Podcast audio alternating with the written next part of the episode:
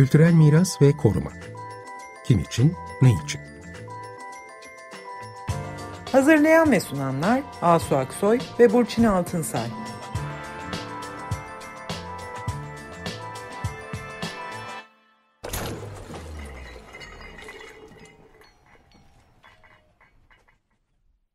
Merhaba, ben Burçin Altınsay. Merhabalar, ben Asu Aksoy.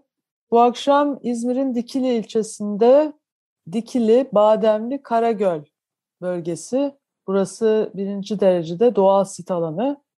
Buranın Çevre Şehircilik ve İklim Değişikliği Bakanlığı tarafından bir ay önce birinci grup doğal sit statüsünü kaybederek derecesinin düşürülmesi e, kararı ve bu kararın sonuçlarını konuşuyoruz. Bu alanda bulunan Garip Adası ve Kalem Adası'nın bir kısmı birinci derece olarak yani bugünkü deyişle kesin korunacak hassas alan statüsünde kalıyor. Fakat geri kalan tüm işte bu doğal sit alanının dereceleri düşürülüyor. Bu akşam bu konuyu konuşmak üzere konuğumuz avukat Doğu Işık. Kendisi Ege Çevre ve Kültür Platformu eş sözcüsü ve İzmir Barosu Kent ve Çevre Komisyonu üyesi ve bu karara itiraz eden sivil toplum kuruluşları platformunda yer alıyor. Şimdi bu akşam evet yani bu doğal alanların bu doğal korunmuş sit alanlarının imar ve madencilik türü baskılardan korunması için aslında şimdiye kadar ki bu birinci derece doğal sit bir şemsiye gibi çalışırken bu statüyü kaybetmek ne demek? Bu derecenin düşürülmesi neden koruma açısından büyük bir sorun teşkil ediyor? Bu konuları Doğu Bey ile konuşacağız. Doğu Bey hoş geldiniz. Doğu Bey hoş geldiniz. Hoş bulduk, merhabalar. Evet, İzmir'in bu Dikili ilçesindeki Dikili Bademli Karagöl doğa harikası olarak tanımlanan bir yer ee, ve Kültür Turizm Bakanlığı tarafından daha önce bu doğal ve e, kültürel sit alanları Kültür Bakanlığı'nın yetkisindeyken doğal sit alanı ilan edilmiş bir yer ve ardından da birinci derece doğal sit alanı olarak tanımlanmış bir yerken 2011 yılında bir KHK ile bu doğal sit alanları Kültür ve Turizm Bakanlığı'nın yetkisinden alınarak Çevre ve Şehircilik Bakanlığı'na devredildi. Ve bu aslında bütün sit alanlarını etkileyen çok önemli bir karardı ve kültür varlıklarıyla doğal alanların birlikte bütünlüğünü de bozan bir karardı. Ayrı e, kurumların yetkilerine dağıtılınca. Sonra da Çevre ve Şehircilik Bakanlığı'na devrinden sonra e, bu bakanlık sit alanlarının derecelendirmelerini yeniden tanımladı. Yani Türkiye'nin bütün doğal sit alanlarında bu derece e, statüleri değiştirildi, yeniden tanımlanıyor. Dikili ve Bademli Karagöl'de de bu e, tescil kategorisi yeniden e, düzenlendi. Siz şimdi bize önce bir Dikili Bademli Karagöl nasıl bir yer? Şimdiye kadar nasıl korunmuş? Kendi kendisini korumuş mu? Doğal sit alanı olarak ilan edilmesi ne zaman olmuş? Ne zamandan beri doğal sit alanı? Bunları anlatarak girebilir misiniz? Tabii ki, tabii ki Burçin Hanım. Ee, öncelikle tekrar merhabalar. Ee, iyi yayınlar diliyorum. Ee, dinleyicilere de buradan selamlarımızı iletelim. Sizin de az önce belirttiğiniz gibi e, doğal varlıkların korunması ile ilgili düzenlemeler daha önce Kültür ve Turizm Bakanlığı tarafından e, yapılmaktaydı. E, ancak 2011 yılında çıkarılan kanun hükmünde kararname ile bu düzenleme etkisi Çevre ve Şehircilik Bakanlığı'na e, şimdiki değişen ismiyle Çevre Şehircilik ve İklim Değişikliği Bakanlığı'na devredildi. E, geçen seneye kadar Bademli bölgesinde birinci derece doğal sit statüsü bulunmaktaydı tüm bölgede. Ancak 2021 yılının son aylarında Kalem Adası olarak bilinen ada, Pisa Koyu bölgesi ve Killik koylarında e, sit statüleri değiştirildi. Değiştirilmişti zaten. Geçtiğimiz günlerde de Bademli'den Denizliköy'e kadar daha yukarısında Karagöl bölgesini de içine alan çok büyük bir alanın sit statüsü değiştirildi. E, bu düzenlemeler resmi gazetede ilan edildi, askıya çıktı. E, şu an hala askı süresi devam ediyor. Bu e, tescil kararları askıda hala. Bademli, Denizköy ya da Karagöl bölgesi günümüze kadar doğal güzelliğini korumuş diyebiliriz aslında. E, şu anda bölgedeki en büyük turizm tesisi diyebileceğimiz yer e, Kalem Adası'nın kuzey kıyısında faaliyet gösteren otel işletmesi. E, ancak o işletme zaten uzun yıllardır faaliyetine devam ediyordu. E, bu sit, sit statüsü değişiklikleriyle adanın kuzey kıyısında e, ben açıkçası bir değişiklik olacağını düşünmüyorum. Zaten uzun yıllardır faaliyette olan bir işletme. E, Bademli ya da Denizköy bölgesi için konuşacak olursak e, o bölgelerde büyük işletmeler henüz bulunmuyor. Sınırlı sayıda çadır kamp işletmesi, tatil köyü gibi e, küçük çaplı işletmeler var. Uzun yıllardır birinci derecede doğa statüsünün e, mevcut olması e, bu bölgeleri tırnak içinde söylüyorum talandan korumuş vaziyette günümüze kadar. E, geçtiğimiz yıllarda büyük çaplı turizm işletmeleri için bazı girişimler olduğunu duymuştuk biz. E, bunlardan biri Kalem Adası'nın batısında bir adamız daha var. E, Garip Adası dediğimiz ada. E, Garip Adası'nda şu anda herhangi bir yerleşim ya da turizm işletmesi bulunmuyor. E, ancak e, geçtiğimiz yıllarda aldığımız duyumlara göre Fi Yapı'nın burada, Fi Yapı şirketinin e, lüks ve büyük bir otel işletmesi yapma düşüncesi vardı. E, ancak Fi Yapı bu projeyi hayata geçiremedi. Bildiğiniz gibi şirket TMSF'ye devredilmiş durumda. E, ve şu anda o adanın mülkiyeti de TMSF'de. E, devlet bu adayla ilgili ne planlıyor şu anda bilemiyoruz. Ancak hala e, oranın statüsü hassas korunacak alan olarak görünüyor. E, bu bölgede diyebilirim ki şu anda bu Dikili, Bademli, Denizköy ve Karagöl bölgesinde o bölgede çok büyük bir alanda yalnızca tek ada kaldı. Hassas korunacak alan olarak onu söyleyebilirim. Diğer her yani o bölgede her yerin statüsü, statüsü değiştirilmiş durumda. Düşürüldü yani. Düşürüldü. Evet evet. Değil mi? Evet. Garip Garip Adası dışında e, o bölgede bütün sit statüleri düşürüldü. Evet yani şimdi o düşürülen statülere bakacak olursak e, onlardan bir tanesinin ismi nitelikli doğal koruma alanı. Diğerinin ismi de sürdürülebilir koruma ve kontrollü kullanım alanı. Ve Evet. haritaya da baktığınızda aslında bu sürdürülebilir koruma ve kontrollü kullanım alanının çok büyük bir kısmını kapsadığını görüyoruz. Şimdi bu iki kategori ne anlama geliyor? Size bunu soralım. Ee, yani bu düşürülmüş statülerde bu iki e, tescil kategorisinde artık neler yapılabiliyor? Eskiden yapılamayan, şimdi izin verilen faaliyetler neler? Tabii ki bahsedeyim e, ama şimdi diğer iki statü konusuna gelmeden bir de kesin korunacak hassas alandan da bahsetmekte yarar Hmm. var. Kısaca o, e, onunla başlayayım. E, şimdi kesin korunacak hassas alan nitelikli doğal koruma alanı ve sürdürülebilir koruma ve kontrollü kullanım alanı gibi statüler tanımlanmış mevzuatta. E, ayrıntılı olarak bunlar 109 sayılı ilke kararında açıklanıyor. Ayrıca bununla ilgili bir yönetmelik de düzenlenmiş. En son olarak 111 sayılı ilke kararıyla e, bir değişiklik yapıldı ama hala 2019 yılında yayınlanan 109 sayılı ilke kararı hala yürürlükte uygulanıyor yani. E, bu ilke kararında kesin korunacak hassas alanlarla ilgili şu ifadeler var. E, şimdi az önce de bahsettiğimiz Garip Adası için düşünebiliriz bunu. Şimdi diyor ki insan faaliyetleri sonucunda bozulma veya tahrip olma riski yüksek. Bitki örtüsü, topografya ve sil- silüetinin korunması gereken, gelecek nesillere aktarılması gereken alanlar olarak tanımlanmış. Bademli, Denizköy ya da Karagöl bölgelerinde gelecek nesillere aktarılması gereken tek alan yalnızca Garip Adası mı? Bunu ilk önce bir sormak lazım. Yani bize göre asla değil. Ee, herkes gidip görebilir, görecektir ki bölgenin tümünün doğal dokusu bozulmadan gelecek nesillere aktarılması gerekiyor. Yani bu konuda sadece koskoca bir bölgede sadece küçücük bir adanın e, gelecek nesillere aktarılması düşüncesi çok yanlış diyeyim e, açıkçası.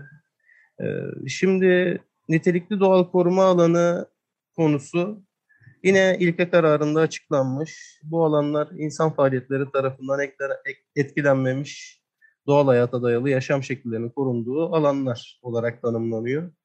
Bu bölgelerde alanda mevcut eski yapıların ekonomik ömrünü tamamlayıncaya kadar kullanılabileceği belirtiliyor. Ee, bu kapsamda bölgede bulunan eski Rum evleri restorasyon yöntemiyle kullanılmaya devam edebilir. E, çünkü bu mübadele zamanında Yunanistan tarafından gelenler oldu. Bademli Denizköy bölgesine. E, buradan da tabii Rum insanlar e, karşı tarafa gitti mübadelede ve e, çok güzel eski Rum evleri bulunuyor. E, bu evler restorasyonla e, kullanılmaya devam edebilir. E, ilk kararında bu şekilde söylüyor. Ayrıca bu bölgelerde madencilik faaliyetleri tamamen yasaklanıyor bu alanlarda. Yalnızca doğal kaynak suyu çıkartılmasına ya da tuzlu olarak kullanılmasına izin veriliyor. Bu da aslında kısmen o alanları koruyan e, bir sistem.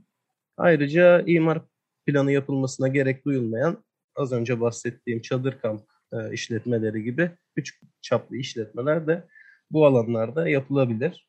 E, zaten hali hazırda bölgede birçok e, çadır kamp işletmesi de bulunuyor. Bu sit statüleri arasında bana göre bölge açısından en tehlikeli statü e, sürdürülebilir koruma ve kontrollü kullanım alanları olarak e, bahsedilen statü. E, bu alanlarda ilke kararında da yazar, e, yönetmelikte de yazar. E, madencilik faaliyetleri yapılabiliyor. E, turizm tesisleri, yat limanları projelendirilebiliyor. E, ayrıca bu bölgelerde güneş elektrik santrali ve rüzgar elektrik santralleri de kurulabiliyor. Aslında o Karagöl tarafının bu statüye alınması daha çok bana e, güneş elektrik santrali ve rüzgar elektrik santrali e, yapılması amacıyla öyle bir statü tanınmış gibi geldi açıkçası. Bir de burada şey var, düşük yoğunluklu yerleşim yerleri olarak planlanabilir diyor. Sürdürülebilir koruma ve kontrollü kullanım alanı için. Evet. Ve şeye de haritaya baktığınız zaman çünkü haritada da görünüyor nerenin sürdürülebilir koruma kontrollü kullanım alanı olarak belirtildiği. Evet. Orada böyle bir yol var. O yolun iki tarafı bu şeyle tanımlanmış. Bu kategoriyle tanımlanmış. Şimdi düş, düşük yoğunluklu e, yerleşim yerinden kasıt ne? Hmm. O bir kere açık değil. E, biliyorsunuz e, bu gibi öne, önemli konularda yani hukukta belirlilik, açıklık ilkesi vardır. E, düşük yoğunlukluluğun kastımız nedir? İlke kararında aslında bunların ayrıntılı olarak açıklanması gerekiyor. E, ancak e, bir iki ufak ayrıntı dışında tamamen yönetmeliğin tekrarı gibi bir ilke kararımız var ne yazık ki. E, yani bu düşük yoğunluklu kavramını açıklamadan herhangi bir işlem yapılması bana doğru gelmiyor açıkçası. Aynı şekilde turizm tesisleri için de söylenebilir aslında. Yani gerçi koruma amaçlı imar planına uygun olması koşuluyla demiş ama turizm tesisleri, yat limanı. Şimdi e, orada bir sınırlama olmadığı için küçük çaplı ya da yani, evet. yani büyük çaplı her türlü turizm tesisi yapılabilir. Evet. E, oradan onu anlıyoruz. Herhangi bir sınırlama getirmemiş. Yat limanı evet. pek de küçük çaplı bir tesis değil zaten. Yok tabii ki. Bir de burada Çok önemli bir sakınca bunların denetimi de yine Çevre ve Şehircilik ve İklim Değişikliği Bakanlığı'nın e, yani, yetkisinde kalıyor. E, tabii ki kendileri izin veriyor, kendileri statüsünü değiştiriyor, kendileri denetliyor. E, yani nasıl bir nasıl bir etkili denetim mekanizması e, yürütülebilir? E, açıkçası bana çok da e, sürdürülebilir ve mantıklı gelmiyor. Evet bunlar işte 2011 yılında Kültür ve Turizm Bakanlığı'ndan alınmasıyla aslında bu doğal e, sit alanların hakkında bayağı tehlikelere yol açacak bir ölüm fermanı gibi bir karar alınmıştı. Yani işte yerleşim, turizm, madencilik faaliyetleriyle yavaş yavaş buralar e, doğal niteliğinden uzaklaşabilir. Şimdi bu dikiliyle ilgili karar bir ay süreyle askıda kalacak galiba değil mi? E, bu süre evet, zarfında neler yapılabilir? İtirazları kimler yapabilir? Ve e, zaten siz biraz söylediniz de sizlerin de ya da halen yapılmış olan itirazların temel itiraz noktası nedir? Onu bir daha belki tekrarlamak iyi olabilir. Sit statü değişikliği tescil kararı 5 Haziran'da resmi gazetede yayınlandı. 8 Haziran'da da askıya çıktı bakanlığın web sitesinde de duyurulmaya başladı. Bu tescil kararı bir ay kadar askıda kalacak ve 60 günlük bir itiraz süresi var. Biz geçtiğimiz Perşembe günü Dikili Emek ve Demokrasi Güçleri olarak e, Çevre ve Şehircilik Bakanlığı'na kaymakamlık aracılığıyla bir dilekçe verdik. itirazlarımızı yaptık. Öncelikle belirtmem gerekir. Korunan alanların tespit, tescil ve onayına ilişkin bir yönetmeliğimiz var. Ee, ilke kararının üstünde hiyerarşi olarak. Burada der ki statü değişikliği yapılmadan en az 5 kişilik bir araştırma heyeti oluşturulması gerekiyor. Bu heyetin de statü değişikliği yapılacak olan bölgede ardışık 4 mevsimi kapsayan ekoloji temelli bilimsel araştırma yapması gerekiyor. Yani bu heyetin en az 4 kere çok büyük bir alanda bilimsel çalışma yapıp bir rapor hazırlamış olması lazım. Ancak e, Çevre Şehircilik Bakanlığı tarafından resmi gazetede yayınlanan yalnızca bir harita, tek sayfalık bir harita. E, bu bilimsel çalışma ne zaman, kimler tarafından yapıldı biz bunları bilmiyoruz. Yalnızca bir harita yayınlayarak e, çok büyük bir alanı bu şekilde e, yapılaşmaya veya başka faaliyetlere açamazsınız. Dayanaklarınızın da halka elverişli araçlarla duyurulması gerekiyor. E, biz dilekçemizde öncelikle bu bilimsel araştırmayı sorduk. Yapıldı mı, yapılmadı mı? Yapıldıysa bu heyette kimler var? E, nasıl bir rapor hazırlandı? E, bilmiyoruz çünkü. Ayrıca az önce de söz ettiğim gibi kesinlikle korunması gereken bölgelerin bu şekildeki faaliyetlere açılması kamu yararı ile kesinlikle bağdaşmıyor. Ee, bu bölgeler kesinlikle korunması gereken ve gelecek nesillere aktarılması gereken alanlar. Ee, biz bu çerçeve içerisinde genel itirazlarımızı bakanlığa sunduk. E, bakanlığın da bizim dilekçemize karşılık 30 gün içerisinde bir cevap vermesi gerekiyor. Peki bu sit statü değişikliğine karşı kimler itiraz edebilir? Ee, onu da kısaca söyleyeyim. Dikili'de ikamet eden herkes itiraz etme hakkına sahip. E, itiraz süresi hala devam ediyor. İsteyenler hala itiraz edebilir. İtirazlarımızla ilgili aslında dün Dikili Atatürk Meydanı'nda bir asın basın açıklaması planlamıştık. Ama İzmir Valiliği son anda aldığı bir kararla 3 gün boyunca basın açıklamalarını da kapsar şekilde bir yasaklama kararı getirdi. Ee, il genelinde faaliyetler yasaklandı. O sebeple basın açıklamamızı gerçekleştiremedik. Ee, hafta içinde gerçekleştirmeyi düşünüyoruz. EGEÇEP de itiraz konusunu gündemine alacak. Temmuz ayının başında EGEÇEP Yürütme Kurulu toplantısında bu konu gündeme gelecek ve toplantıda itiraz ve dava açma hususlarını biz değerlendireceğiz kendi aramızda. Bildiğim kadarıyla TUMOP İzmir İl Koordinasyon Kurulu da bu konuyu şu anda değerlendiriyor. Şehir Plancıları Odası İzmir Şubesi de e, bu konuyla ilgili dava açabilir diye düşünüyorum. Evet aslında e, bu sadece İzmir Dikili'de de yürüyen bir süreç değil. Programın başında da söylediğimiz gibi aslında e, bütün bu doğal sit alanlarının Çevre ve Şehircilik Bakanlığı'na geçmesiyle birlikte hepsinin statüsü yeniden ele alınıyor. Ve Çevre ve Şehircilik Bakanlığı da aslında geleneğinde doğa, doğal alanları korumak değil, yapılı çevreyi yönetmek üzere kurulmuş bir bakanlık. Ve şimdi do dolayısıyla yani bu doğal alanlara Türkiye'nin her yerinde bu tür yeniden şeyler geliyor işte e, yeni kararlar, yeni tescil kararları geliyor ve tescil kate kategorilerine baktığınız zaman da demin saydınız siz de. Yani bu sürdürülebilir koruma kategorisi mesela bu doğal alanları aslında e, şeye açıyor, imara bir anlamda açıyor. E, işte turizm tesisine, işte konut yerleşim, e, düşük yoğunluklu dese de yerleşime, yat limanı gibi faaliyetler açıyor. Yani aslında sivil toplum e, diyor ki yani bu doğal alanları korumamız gerekir derken tam da bu konuda yetkili olan bakanlık kullanmaya odaklanmış bir vaziyette. E, ve kullanma her şeyin önüne geçmiş bir vaziyette değil mi? Çevre ve Şehircilik Bakanlığı tabii aslında koruma birikimi de olmayan bir yer. Evet. Ee, yani onlar girişim, yapılaşma, işte yatırım böyle e, kurgulanmış bir e, kurum tabii değil mi? Evet o yüzden de e, bu kullanma kısmı öne çıkıyor. Evet hep böyle kamuoyunda böyle bir algı var. Yani koruma kullanma sanki beraber gitmesi gereken bir şeymiş gibi. Yani böyle tek başına koruyamazmışız doğal alanları gibi. Doğal alanlara ilişkin önceliğimiz ve tek mes meselemiz aslında korumak onun yanında mutlaka bir kullanmak da olması gerekirmiş gibi böyle bir algı var ve bu algının da değişmesi gerekiyor aslında. Bilmiyorum siz e, nasıl e, tepkilerle karşılaşıyorsunuz e, insanlarla konuşurken, işte bu itirazları anlatırken, itirazlardaki argümanları anlatırken insanlar size neler söylüyorlar?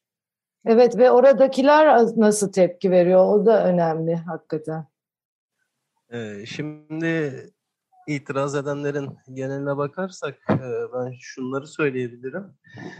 Ee, bu konuda doğal alanları koruma ve e, kullanımı açısından aynı seviyede bakmak e, bana göre bencilce bir bakış açısı. Elbette ki herkesin, bizlerin de hepimizin kullanım alanlarına ihtiyacımız var doğal olarak.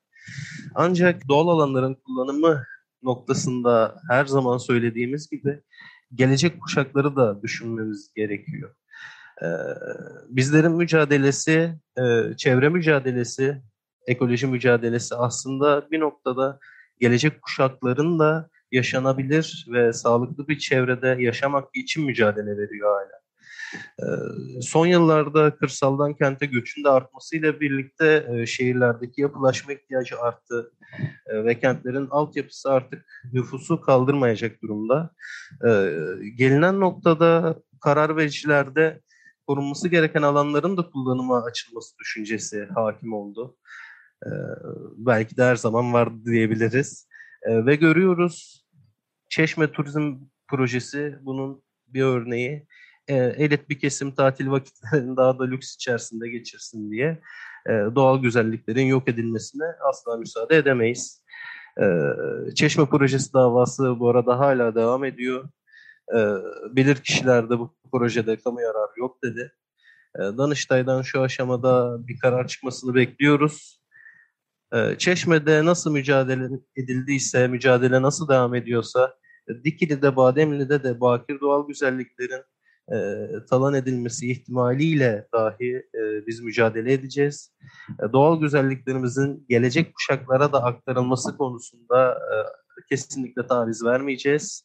E, çünkü biz sürdürülebilir yaşamı savunuyoruz her zaman. Yani doğal güzellikler dediniz aslında güzel bir terim. Ee, ama doğal güzellikler aslında doğa ekolojik e, bir sistem olarak kendi kendisini besleyen bir sistem olarak insanı da besleyen bir sistem aynı zamanda. Tabii ki. Ee, değil mi? Yani e, insan ve doğa birlikte doğanın sürdürülebilmesi insanın da sürmesi anlamına geliyor. Yani burada önceliğin aslında doğal ekolojik sistemin e, insanla birlikte sürmesi, sürdürülmesi ve gelecek kuşaklara aktarılması. Güzellik tabii derken siz bunu kastediyorsunuz. Ve de tüketmeden evet. kullanmak. Evet. Yani tabii ki kullanılabilir ama e, efendi bir şekilde kullanıp tüketip yok eden e, çok fazla baskın çıkan kullanımlar e, tabii sonunda hiçbir şey kalmamasına yol açıyor. Yani tabii. dikkatli Aslında, bir şekilde devam edilebilir ya. Biz geçen sene bu şeyler yangınlar sırasında bunu konuşmuştuk Burçin hatırlıyor musun? Evet. Yani kullanımlarla kullanım evet. ne demek aslında doğanın o ekolojik sistemin kendisini sürdürmesi için gereken kullanımlar demiştik ya yani işte orman köylüleri falan bunları evet, konuşmuştuk. Yani bunların e, umarız bu yöne doğru ilerleriz. Teşekkürler Doğu Bey. Evet ben, çok özel ben, konu, hassas konu. ben teşekkür ederim. E, son olarak da şunu belirteyim. Özellikle söylemem gerekir ki e, insanoğlunun, insanların, insanoğlu kelimesini pek sevmiyorum. Ee, insanların e, doğayla e, bir savaşa girmemesi lazım bu kullanım konusunda. E, doğaya karşı bu kadar e, müdahale ettiğiniz zaman e, e, mamiyane tabirle savaş açtığınız zaman işte gördük en basit örneği. E, yıllardır bir pandeminin içerisindeyiz. Ee, Covid-19 aslında bunun e, çok belirgin bir örneği. Doğal hayata müdahalenin e, nasıl sonuçlar e, doğuracağını bize çok net bir şekilde açıklıyor. Bizler de bu mücadeleyi verirken kendimizi değil, gelecek nesilleri düşünüyoruz. Her zaman mücadeleye devam edeceğiz. Mücadelemizi büyüteceğiz. Bu yayına beni davet ettiğiniz için çok teşekkür ediyorum sizlere. Biz de teşekkür ederiz geldiğiniz için. Hoşça kalın. Gör, görüşmek akşamlar. üzere. İyi akşamlar.